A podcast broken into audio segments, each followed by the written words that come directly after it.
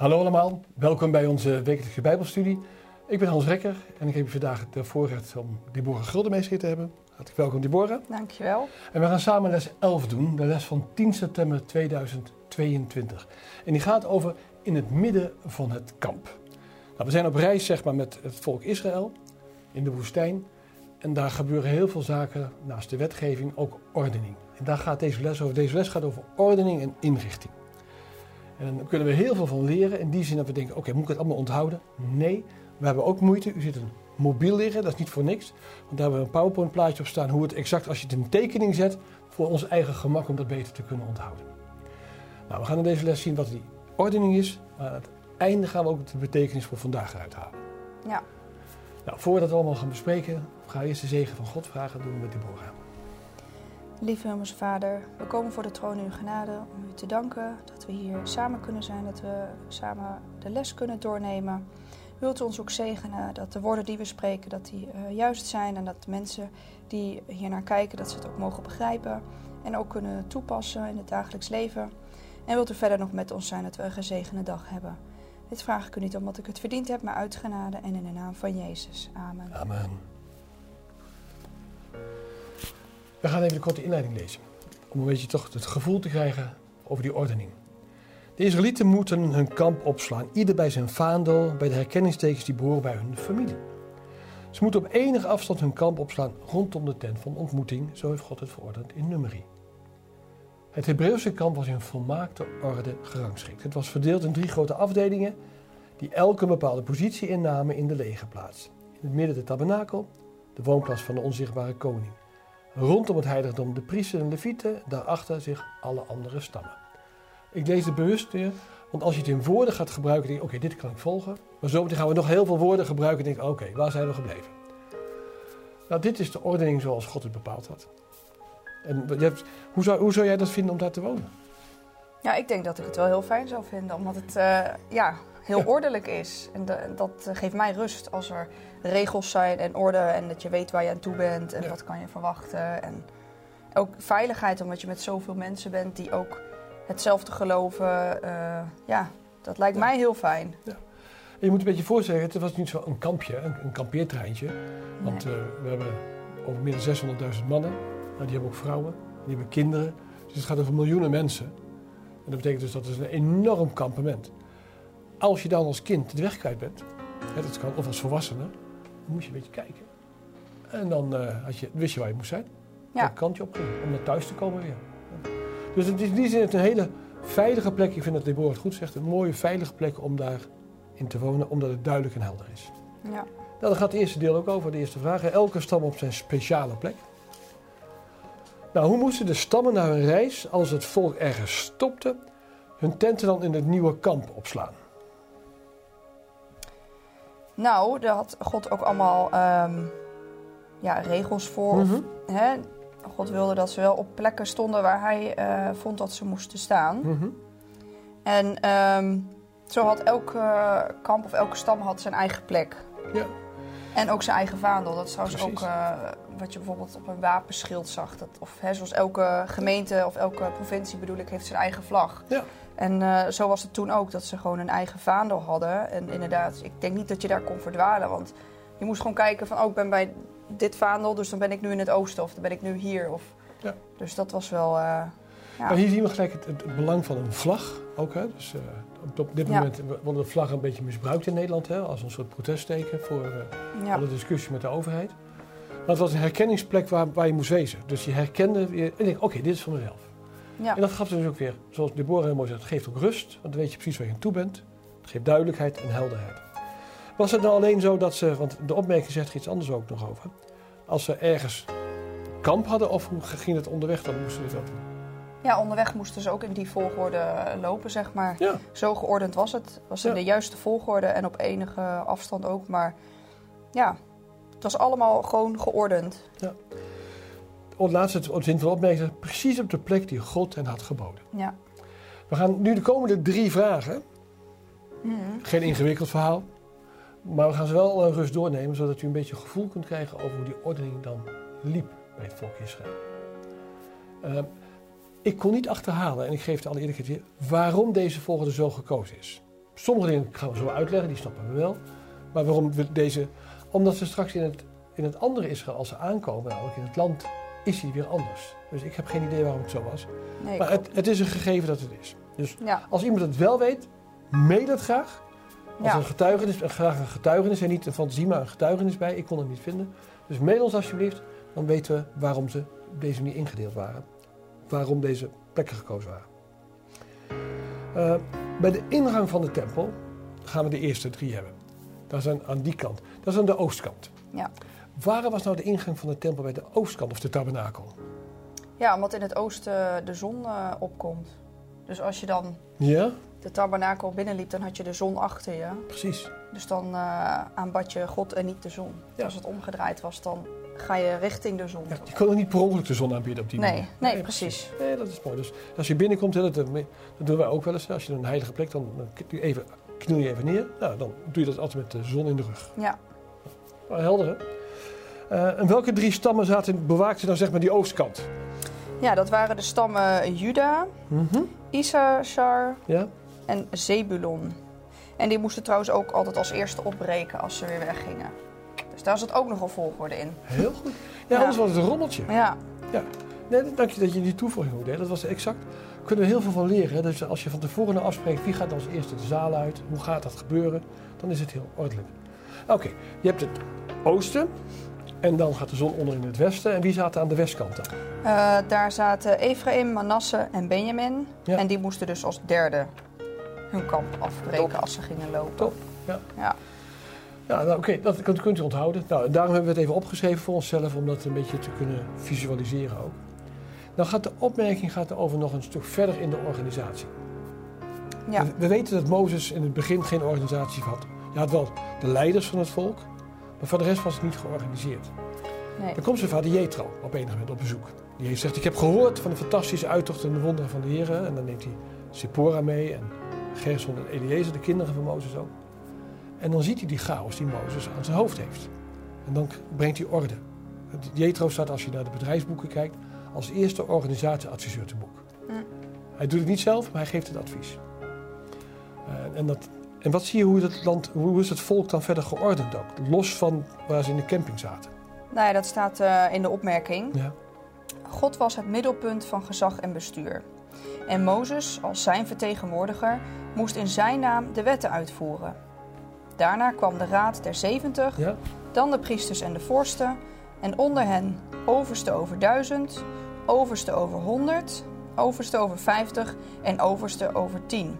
En tenslotte de beambten die aangewezen waren voor speciale diensten. Ja. Dus het waren ook allemaal rangen en ja, allemaal lagen van eh, waar kon je heen voor dit probleem of waar kon je heen voor dat. En Ja. goed kleine probleempjes bij, bij, bij de 10, wat Ja. groter bij de 100 en hele zware dingen. Dan moest je echt, nou, daar had je allemaal systemen voor. Ja, En dat liet los even van hoe ze geordend waren, zoals dat nog een keer door het hele volk ook nog een keer heen. Dankjewel. Nou, we gaan verder over naar de andere windrichtingen. Welke stammen waren aan de noordkant? nou de stammen die zich dus in het noorden bevonden, Mhm. dat eh, waren Dan, Assar en Naphtali. Ja, En die moesten ook als laatste opbreken. Dus dan heb je bijna het, eh het ja, en dan het zuiden, waren er nog?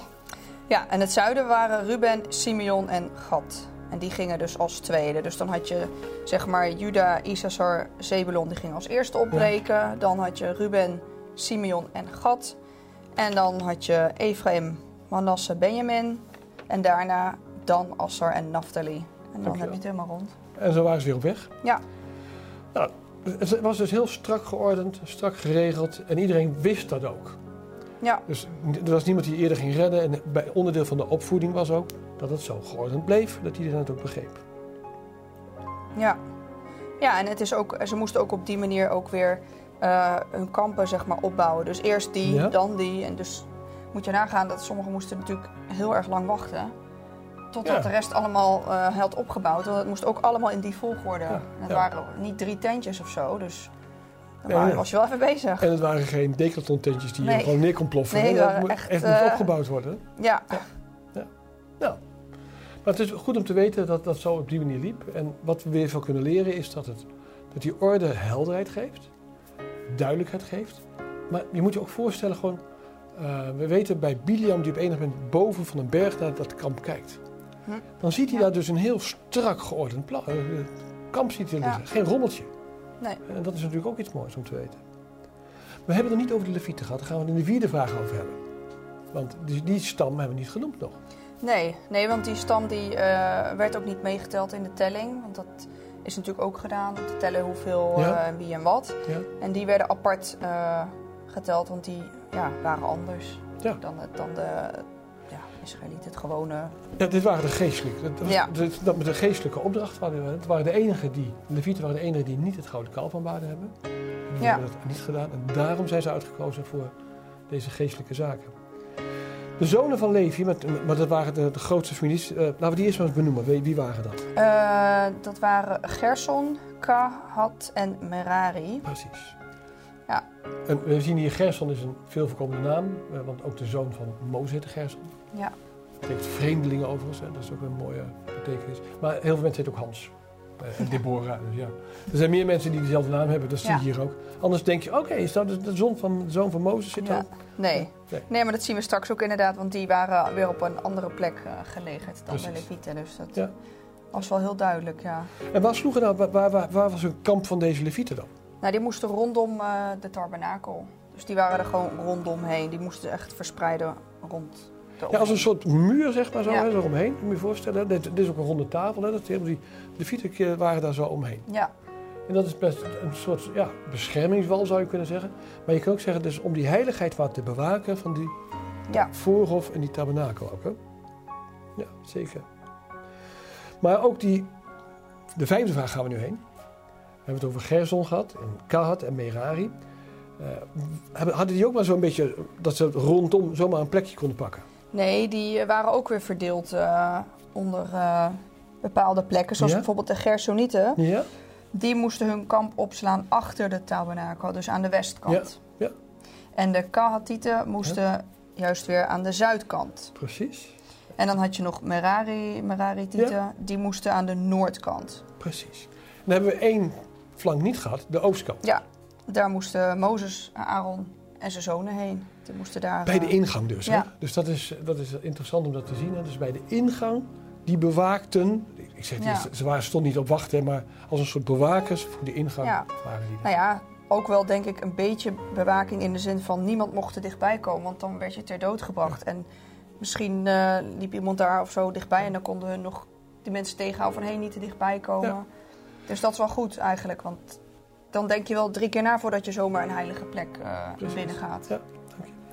En dus ik vind het heel mooi dat je dat zegt. Er was altijd een zekere afstand Ja, tot al die plekken. Dus er was ruimte, er was ook overzicht daardoor. ja, Nou, zo zien we dat de, was dat de binnenste cirkel zeg maar ingericht.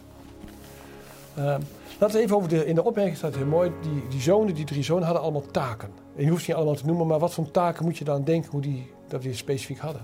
Nou ja, bijvoorbeeld eh, de Kohatieten die eh, hadden de taak voor eh, de ark en het gereedschap. En dan had je de Mera, Meraïten die moesten zorgen voor de pilaren, de voetstukken, de Ja, planken. De hele voorhangsel, Ja, het binnenhof. hè? Ja, het Voorhof. geraamte zeg Ja. maar. En de Gersonieten die moesten echt zorgen voor de gordijnen en de kleden. En ja, ik dacht eerst van, oh ja, nou ja, gordijnen en kleden, dat zal wel niet zo... Maar die gordijnen waren natuurlijk loeizwaar, want die waren heel groot. Ja, dat is even, je moet je voorstellen, de- tabernakel zelf, de, de zijkanten waren van planken met hout, hè, dus die zijkanten. Maar overheen dat dak, ja, dat daarom. waren drie lagen. Ja, Dat was loodzwaar hoor. ja, dus later en dacht al ik die ook... gordijnen van de hele voor, de, de binnen, de voorhof ook. de- Ja. ja. En ook heel hoog. Ja. Dus toen dacht ik, oh ja, dat is toch wel een- best wel een heftige taak. Ja, dat is gewoon Ja. ja. Ja, allemaal klussen. Ja, dat is allemaal klussen. Ja, ja. Dan denk je, wat deden die mensen dan de hele dag? Dat, dat deden ze, als ze er waren niet, hè, dan verzorgden ze gewoon wel dat het allemaal poetste. Want zilver moet gepoetst worden. Hè? Ja, En koper ook. ja, moest ook allemaal Goud schoon niet. blijven. Schoon blijven, precies. Ja, daarom. De zesde vraag, en daar staat boven orde en in het kamp en tijdens de reis. Nou, we hebben constant het woord orde al genoemd, hè, maar we gaan het toch nog een keer over hebben. Eh, wanneer moest nou het volk die gevestigde orde naleven? Alleen als ze kampeerden of op andere momenten? We hebben het een beetje besproken, maar... ja, nou ja, eigenlijk op best wel veel momenten. Als Ja. ze het gingen opbreken, dus als ze weggingen. eh, tijdens het lopen waren ook nog bepaalde regels, hè, bepaalde volgorde. En al, als ze het weer gingen, het kamp gingen opslaan, of hoe zeg je dat, als ze weer gingen opbouwen. Ja. Moest ook weer in bepaalde eh, orde, Ja. bepaalde volgorde, zeg maar. Ja, ik vind het heel mooi hè, dat als je de opmerking leest, dan zie je inderdaad de, als ze aan het reizen gaan, hè, dus aan het trekken. Dat wisten ze op het moment dat de, de wolk zich in beweging zette. Ik denk, oh, we moeten opbreken. Eerder, ze, ze keken gewoon naar de wolk. Als de wolk stil bleef hangen, dan, dan bleven ze soms wel maanden ergens op een bepaalde plek. En anders ging die weer weg. En het mooie is ook, als je dat leest, het water volgde ook. Hè? Ja. en dan viel het mannen weer op de plek waar ze daar waren. En niet ergens Ja. anders. Ze hoefden ook niet terug naar de oude plek. Dus het zijn allemaal prachtige dingen om dat, eh, dat te bestuderen. Omdat het de liefde van God voor zijn volk aangeeft. Dus ook nog vandaag de dag. Maar ze gaan op reis. Wie lopen dan voorop? Eh, dat waren Mozes en Aaron. Precies. Die marcheerden voorop. En, en wie liepen achter hen? Eh, de zonen van Aaron. Ja, wat, en, dat, is- en hadden specifiek iets, hadden ze beet?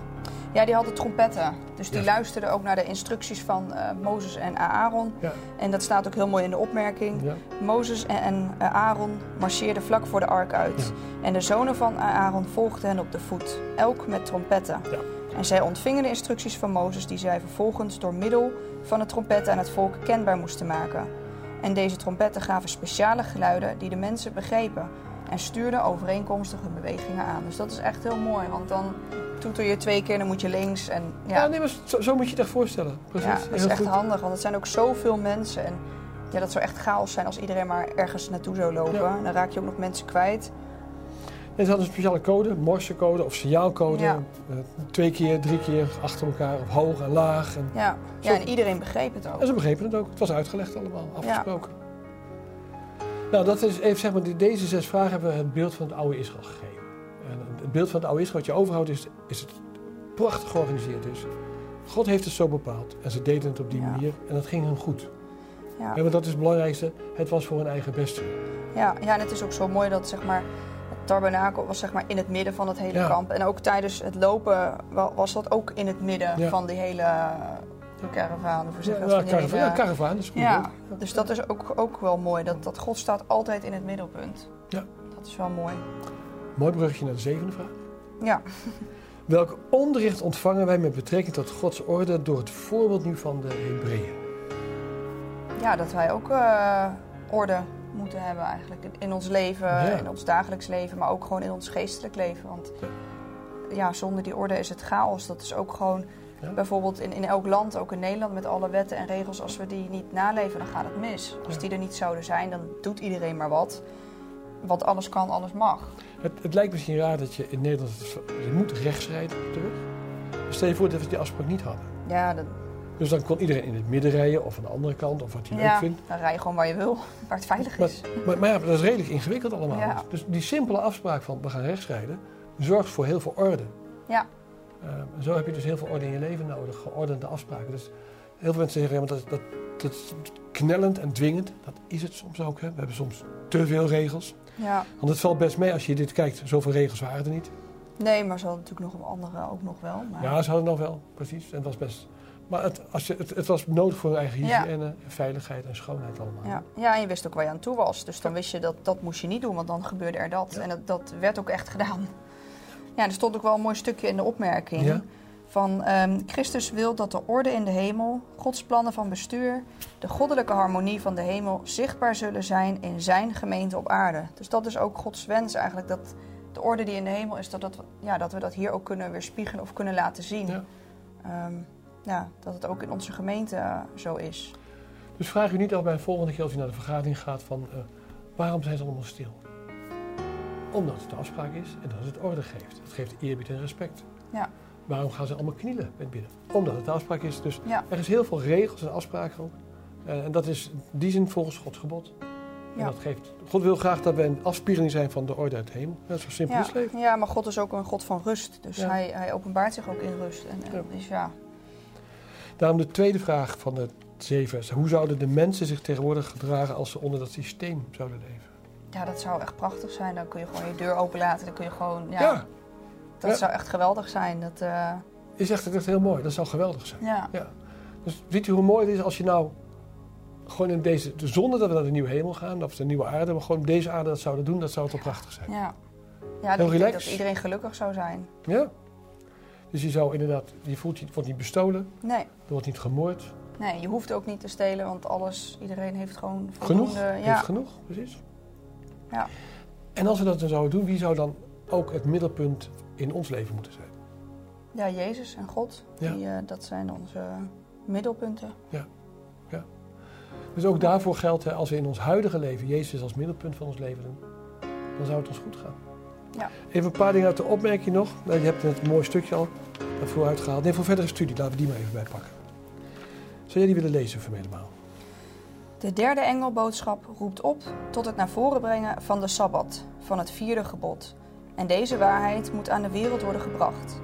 Maar het grote middelpunt van onze aandacht, Jezus Christus, moet niet worden weggelaten uit de derde engelboodschap. De zondaar moet ten alle tijden naar Golgotha kijken en met het eenvoudige geloof van een klein kind moet hij rusten in de verdiensten van Christus, zijn gerechtigheid aanvaarden en in zijn barmhartigheid geloven. Het sluit heel mooi af met Jezus. Ja. En dat is niet voor niks. We weten ook dat in het Oude Testament bij de Israëlieten, we herinneren iedere keer dat God er was. Maar het was Jezus Christus zelf, als God, die bij het volk Israël woonde. Die Ja. was toen al op aarde. En zo zou die, wil hij ook hier op aarde zijn. Hij is er met de Heilige Geest. Wat willen we nog meer? Jezus zelf zit in de hemel, dient het heilige der heiligen. Het is, Ja. het is, bij de hemelse Vader en doet verzoening voor onze zonden. Wij kunnen hem in ons hart het middelpunt van ons leven maken. Laten we die les omarmen. Kijken of we orde in ons leven kunnen brengen in, met hulp van God. We hoeven dat niet alleen te doen, we kunnen alles in de kracht van onze Heer doen. En als we dan Jezus nog een keer centraal stellen in ons leven, dan zullen we een gelukkig leven hebben. Ik wens u dat allemaal toe.